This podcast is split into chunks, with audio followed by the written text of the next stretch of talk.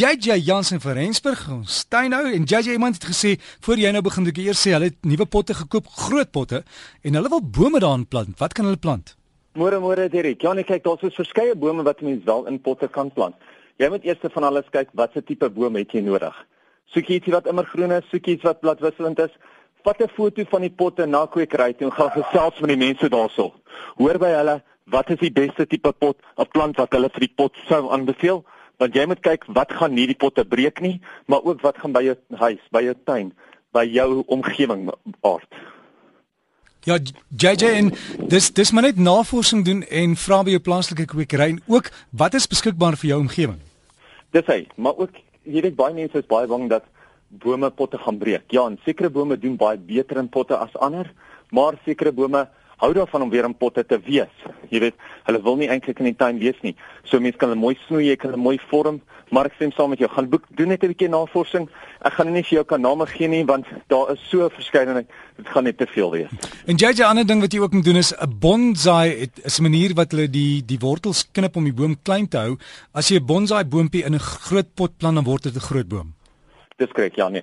Dis 100% presies dieselfde ding. 'n Bonsai word net in 'n kleiner potjie geplant. 'n Boom wat in 'n pot is wat die boom self klein gehou word, dit word net 'n oorgroeide bonsai of 'n groot bonsai. So ja nee, dis eintlik die hele ding waaroor dit gaan is dat jy die pot, die plant self kan klein hou om by die pot te pas.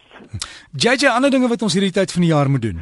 Kyk, is nou nog lekker warm, maar die aande word nou al lekker koel en nou na al die reën, sit ons met twee gevalle in ons tuin. En die eerste is natuurlik plante wat se wortels nou al so lank nat was dat hulle skielik 'n wortelvrot swam ontwikkel het. Nou tekens van wortelvrot is as die plante se blare verlep lyk en die plant, die die blare val af nog voordat hulle geel geword het of voordat hulle gevrek het. Nou ongelukkig lyk onderwatering en oorwatering presies dieselfde.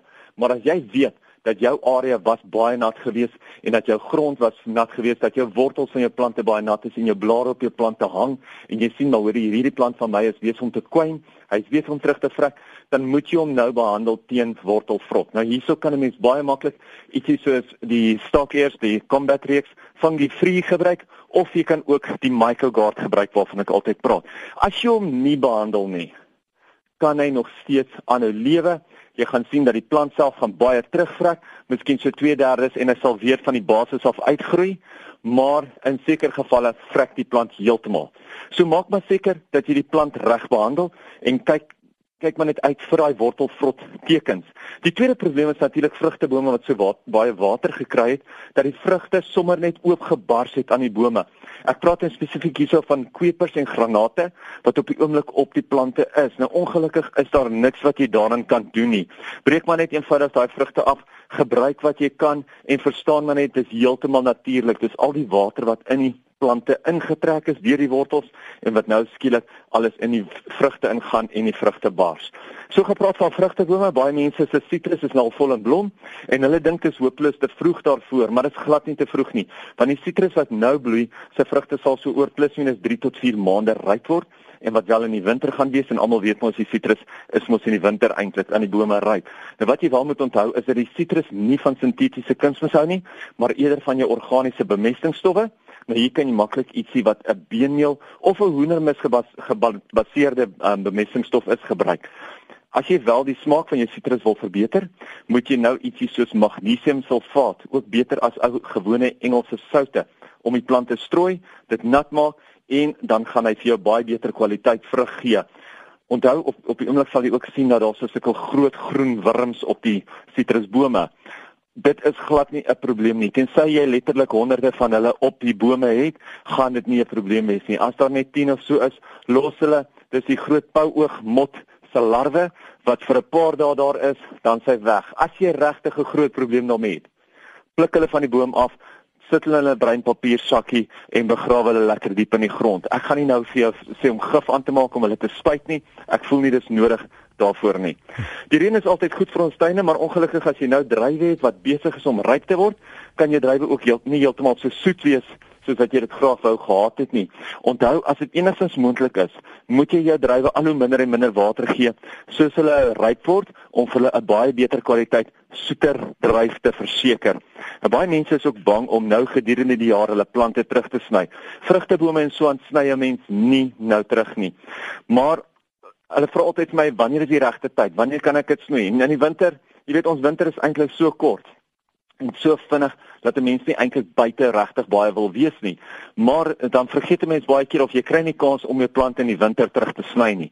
Die meeste van jou struike, as jy hulle gedurende die jaar, gedurende die somer of wanneer ook al terugsny, is dit nie 'n probleem nie. Onthou net om daai dikker takke moet geseël word as jy hulle nou terugsny. Maar die dunner takkies kan jy net terugsny. Onthou 'n klein dun wond is eintlik ook baie beter vir 'n vir 'n plant as wat daai groot dik wonde is van die groter takke. So sny jy dit gereeld terug en hou jou boom in toom as wat jy een keer elke 3 jaar terugsny en al daai dik takke moet terugsny.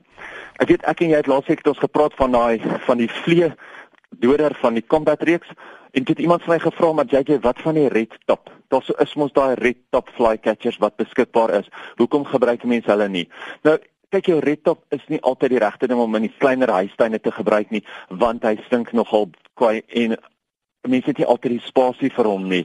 So wat 'n mens na moet kyk is daar's is 'n organiese een beskikbaar en hy is ook deel van die Stark Airs reeks, deel van die Combat reeks wat 'n mens 'n klein houertjie in die boom kan hang en hy werk net so effektief soos die redtop, maar hy is nie So hy stink nie so kwaai nie en hy kan ook 'n groot area bedek, maar hy is wel gemaak vir jou kleiner huistuine.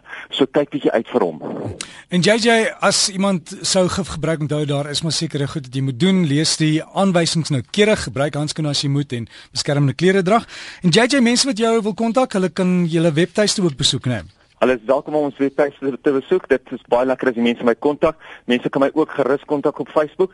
Ietsie wat nou hierdie weekie by ons gebeur en wat eintlik reg oor die land gaan gebeur, is die nuwe The Gardener Academy. Dit is die tuiniers akademie. Dit is daai tuinierboek en dit is natuurlik die tuinierskou wat laasweek by die Pretoria Botaniese Tuine was en die mense wat daar was, daar's ongelooflike goeie terugvoering wat teruggekom het van hulle af. Uh wat hierdie week natuurlik by ons en wat eintlik reg oor die land gaan gesels is Shaun Amand Lindsay Gray en Jill Manson.